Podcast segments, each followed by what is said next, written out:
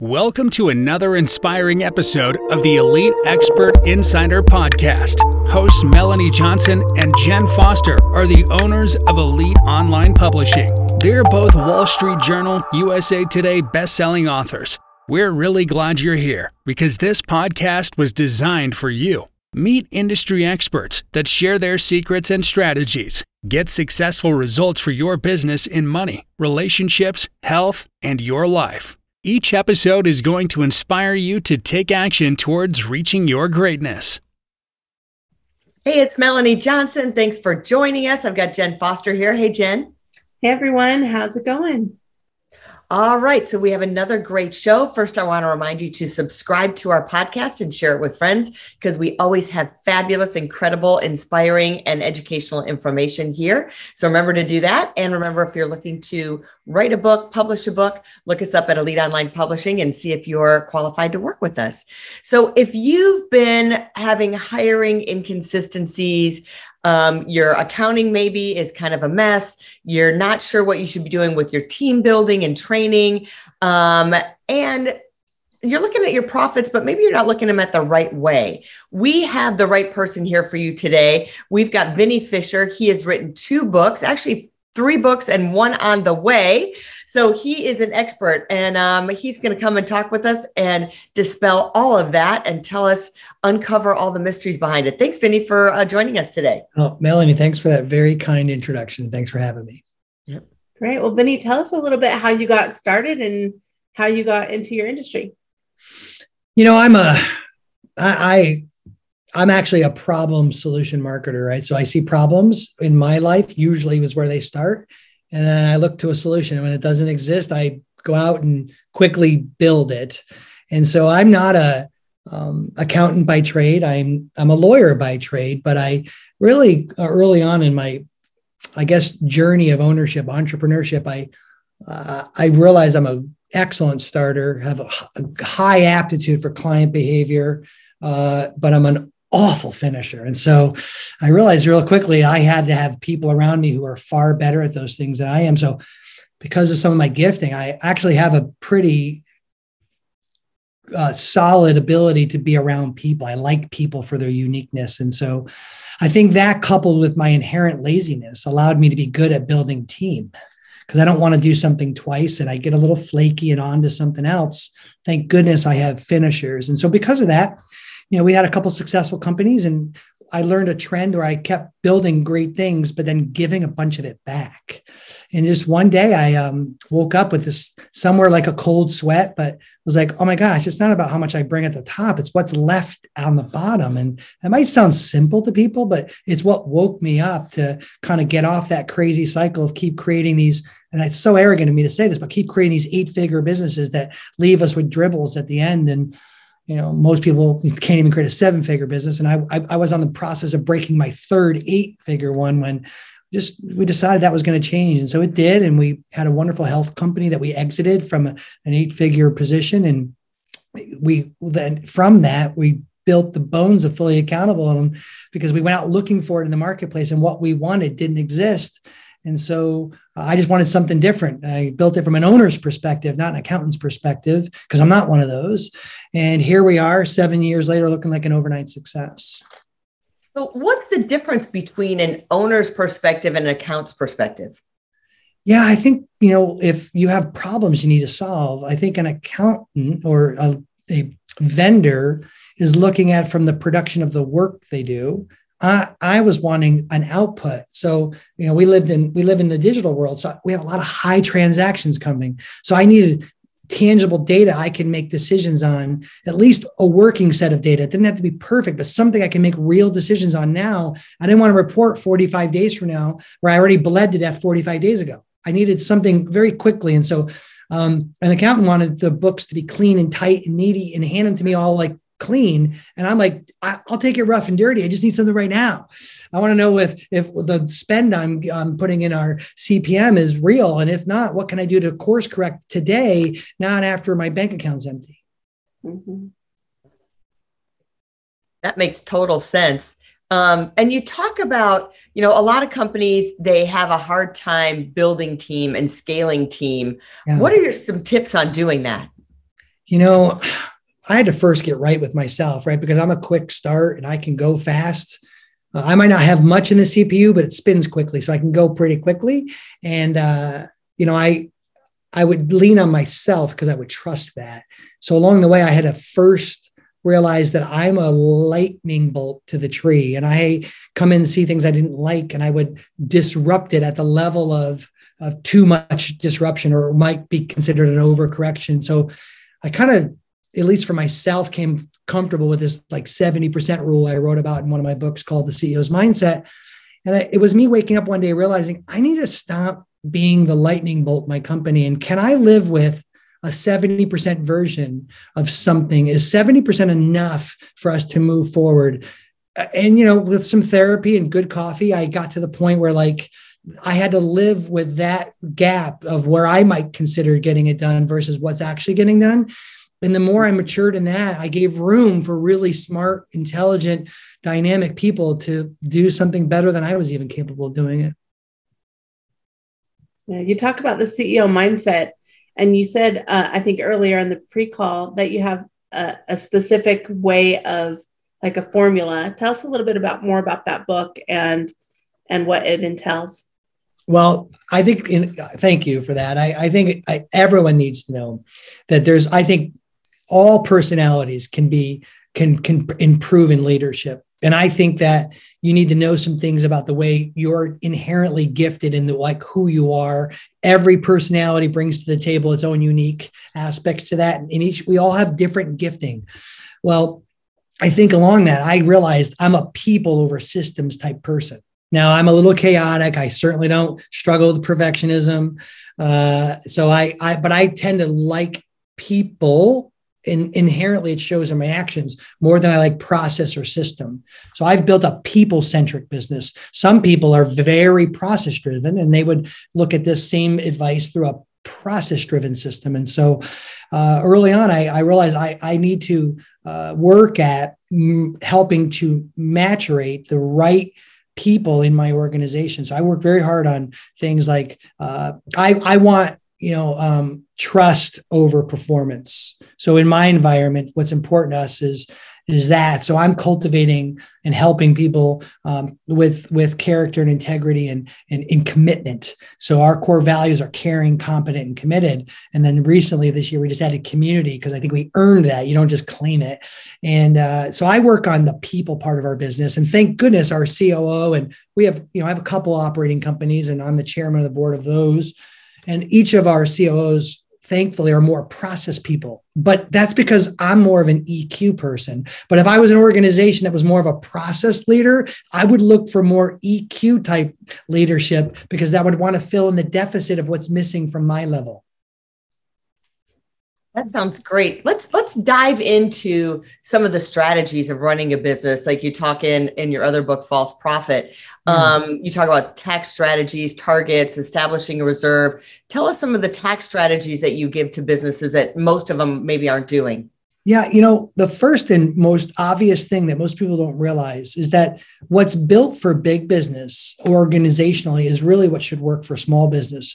But because of lack of resources or lack of availability or clients desiring to pay for certain things, we don't treat them like we do. We don't treat our small business like we do our big business. And what I mean by that is from a tax perspective, this should wake everybody up. The average owner of a business is spending between forty and eighty thousand dollars a year unnecessarily in tax that they shouldn't pay. IRS loves to produce this information. They also don't give us the check back. They just like to produce the information. One of the things we discovered in there is the obviousness that a business and one of the core things we do at Fully Accountable is the business should first be handled for tax efficiency, then the owner. But most small businesses roll everything to like the flow through to their 1040. And how you know that is your CPA in December says, all right, so here's let's talk about the planning thing we're going to do for you guys. And a comment will come, well, what about this stuff for the business? Oh, let's do that next year. It's too late now, but that's a great idea for next year. And so the pandemic of that is that a business isn't running for its own tax efficiency before you get to the owner. It's like a double dip, but a legitimate design double dip of our system. You're missing the tax efficiency at the business level before you get to the personal level. And so, first and foremost, mm-hmm. that is the biggest problem help happening in small business. And then from there, you know, we have uh, you know we, we we love to provide this as a gift but you know at fullyaccountable.com forward slash uh, elite you know, we can certainly change that if that's not the best one for you. But we have a, a, a, there a gift where we have advice on tax tips, and we also have links to our books and stuff. And we would love to give that to your community. But on there, we kind of lay out this like I had one of our CFOs put together like uh, here are the tax tips at the personal and business level. We highly recommend you take advantage of. I think that's great because a lot of times business owners just um, assume their CPO is tell or CPA is telling them everything that they need to know. Yeah. and they're not and they don't know anything about accounting so they don't know um, what the tax laws are or if they're taking advantage of all of the benefits that are provided for them right? Yeah and i think actually jen you make a great point. Um, cpas are actually pretty good at their job but depending on that person's personality they tend to be a little bit more risk adverse so instead of giving counsel to the client based on their temperature and desire for risk it usually comes through their temperature and desire for risk. And then couple that with, I think, a worse problem the margin or the money spent on taxes for the work done is mostly spent on preparation, not planning. Those are mm-hmm. separate functions. And so, you know, I think what happens is the CPA runs out of time. They're just doing the work and they don't really have much left in kind of their time for margin to do planning. And I think if you have a business aspect to doing it and then personal and you divide some of that there is margin for some of that but unfortunately the system's designed more towards preparation than it is planning mm-hmm. and that's why they tell you let's just do that next year because right. they don't want to redo it yeah because I, I, I, you know you. it's funny the the professional in me that lawyer who like desires personal and professional development i get offended by that right because path of least mm-hmm. resistance i feel like professionals should do better at that so i'm actually even always battling you know we have a good sized team here at fully accountable but i'm always battling that perspective of like oh that's another form well, that's the wrong answer. And, and I, am not trying to knock the industry, but sadly, I learned early on that we can do about 50% of what we promise and we're going to outperform most people in this industry. What about you say about having the end in mind? What does that mean for businesses? You know, one of the things I uh, I think people do and I, I think I was guilty of it early in my career, and I got to guard against it now to make sure I don't do this. But because uh, I'm very susceptible to run with something real quickly and then evaluate value to the end user or to why we're doing something. And so I don't think enough of us stop and ask questions. I'm a big Peter Drucker fan, right? So uh, one of his books, Effective Executive, great read. If you haven't read it, highly recommend it. But he's always asking questions about where am I um, well, he's dead now, so he's a mentor from the grave, but he's still a great guy. And um, he always, uh, are, what, where are you sitting in the most valuable position in your organization? What you're doing, those things change, and so you should always be re-asking that question. And so, just happened the other day, one of our marketing team came in, wants to build a new lead magnet funnel to one of our benchmarking reports, and I'm like, what do we hope to accomplish with this? And I got a blank stare. I'm like, man, we're going to build this wrong if we can't answer that question.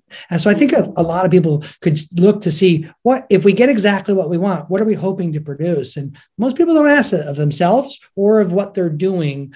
And boy, you could save a lot of money and maybe some overdevelopment if you ask a couple of those uh, either throughout the process or better during the early phases of it. Yeah, I really like are painful too. You know, yeah. like you're asking that question, you're like, well, I don't know. Like, why are you asking me this? You know, we're mm-hmm. just going to do it. And you're like, but, but why? Why, or why do we still need this software? Why do we still need to be doing this campaign? Or why do we need to have this URL still in our system?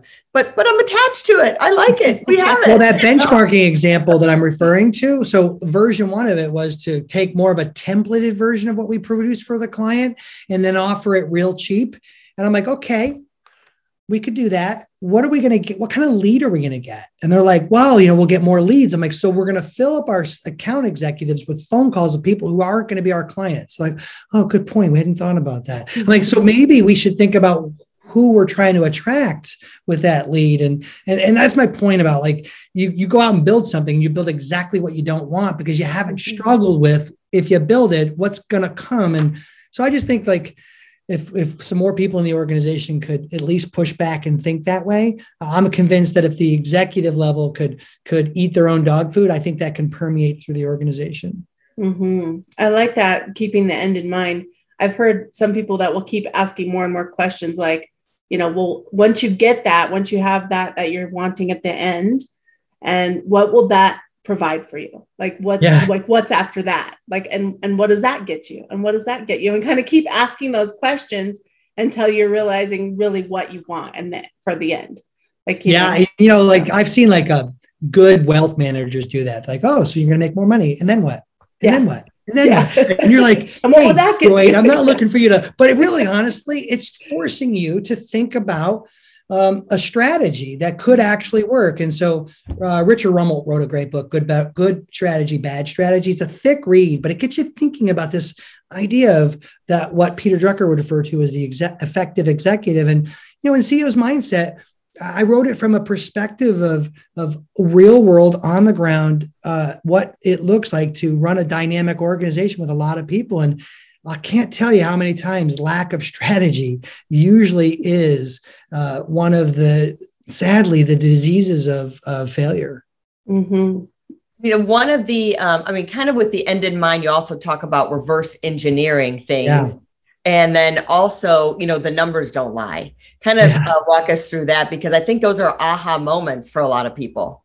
Well, I tell you, I would have loved to have known, I would have loved younger Vinny to know marketing by math right? Like there's only so much uh, room in there for this emotional piece to it because the numbers don't lie. It tells on you. And I wish I would have had a better relationship to the numbers being produced to me or an attitude to want to produce the numbers. You know, uh, I had to early on realize that the core indicators that are relevant to my industry or the company that we're operating I should, as the CEO, have a good working knowledge of the ones that are the most important. And I didn't. I didn't even have like cocktail napkin math, like access to any of those. And I think that was an indictment of my um, immaturity and leadership at that time. And and it's fair. I take that hit because uh, it allowed me to, like, thankfully, uh, deal with that. and, and build an entire company around that issue because of course I overdo everything. But I think um, I I think that reverse engineer part of it could help a lot of people in business. Like if you set out to sell something, a service or a product, and you sell it to a couple people, of course your friends and family are going to love what you do. But where is the research in seeing are you at, you know, early on I was I realized I'm a good salesman. I can sell stuff. And so we built sales organizations and we sold stuff somewhere along the way, I realized that's actually not the key to building a valuable business. I think a value proposition based business, something that is actually solving a problem for the end user with that kind of mindset, is where reverse engineering is the best uh, tool because at that point, you're like, if fully accountable broke right now, we a lot of people would be uh, uh, scrambling and hurt. And uh, it's a definition you know these awards and all the stuff we get are just a an outpouring of the value proposition to our client base. And so reverse engineering is what actually led me to uh, to get to that point. That's great. Can you give us an example of like reverse engineering something or one of your clients or something? Give us a yeah so um, we produce a thing like a daily report and so, you know, in, in the world where I live, the digital world, most of your transactional revenue comes off credit cards. And so um, that means you have a lot of merchant account volume if you're a big company, like things hitting your bank. And um, I, I had come up with the idea one day, you know what would be really cool is why don't we um, why don't we actually log in to banks and then produce a daily report of all the deposits that come out of there. And they're like oh it's a great idea. And so one of the people in our department because we have this attitude of ask like what how are we going to do that? What are we going to get out of it? said well how do you connect to the banks? That technology doesn't exist. And this was seven years ago. He, and she was right. That technology didn't exist. And so we um, realized the pain it was going to take to man, manually log in and produce that report. And i said to them I promise you, let's look into what's the number one problem someone has with merchant accounts. So we started talking to merchant account providers, the people who give us the ability to collect Visa and MasterCard. And they came back and said, most people are missing some of their deposits in their bank. we're like, oh my gosh, this thing might work. And so today it's one of the cornerstones of our business because we went and did the research to find out will that daily report solve a problem? And I tell you right now, if we shut that off, we'd have some very upset clients. Well, and that's a great problem to solve because, you know, people don't look at their statements, people don't look at their bank accounts every single day. And you just assume that you're getting the deposits that you need or that you're expecting. And well, the core part of there is something that you wouldn't even do. Like you could look at your bank account statement, like think of all the transactions going through, mm-hmm. um, but reconciling them or what they call grossing them up, which yeah. is a real fancy accounting stuff, but it's going out and backing out that information. It's real work. It's yeah. hard. Um, yeah. Nobody definitely not the guy talking does that mm-hmm. um, and so that was the problem that un- we mm-hmm. actually set out to solve which was reconciling the account now that early uh, indicators are about deposits but the reconciling of the account catches the missed deposits mm-hmm.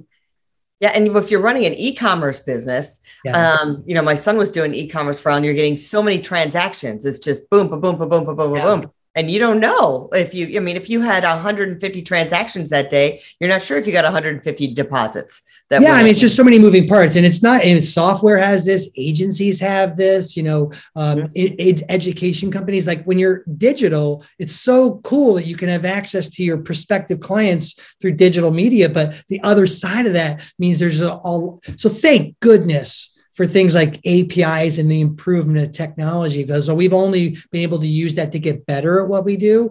But uh, that's a that's probably one of my favorite. I have a bunch of them, Jen, but that's probably my favorite. Like, let's make sure this actually is something that's going to produce value because it was a problem I had. I wanted to make sure other people had the problem, and that's the mistake I think people make. They think they have a problem that everyone else has it, and they didn't look in to see if the problem was bigger than just themselves.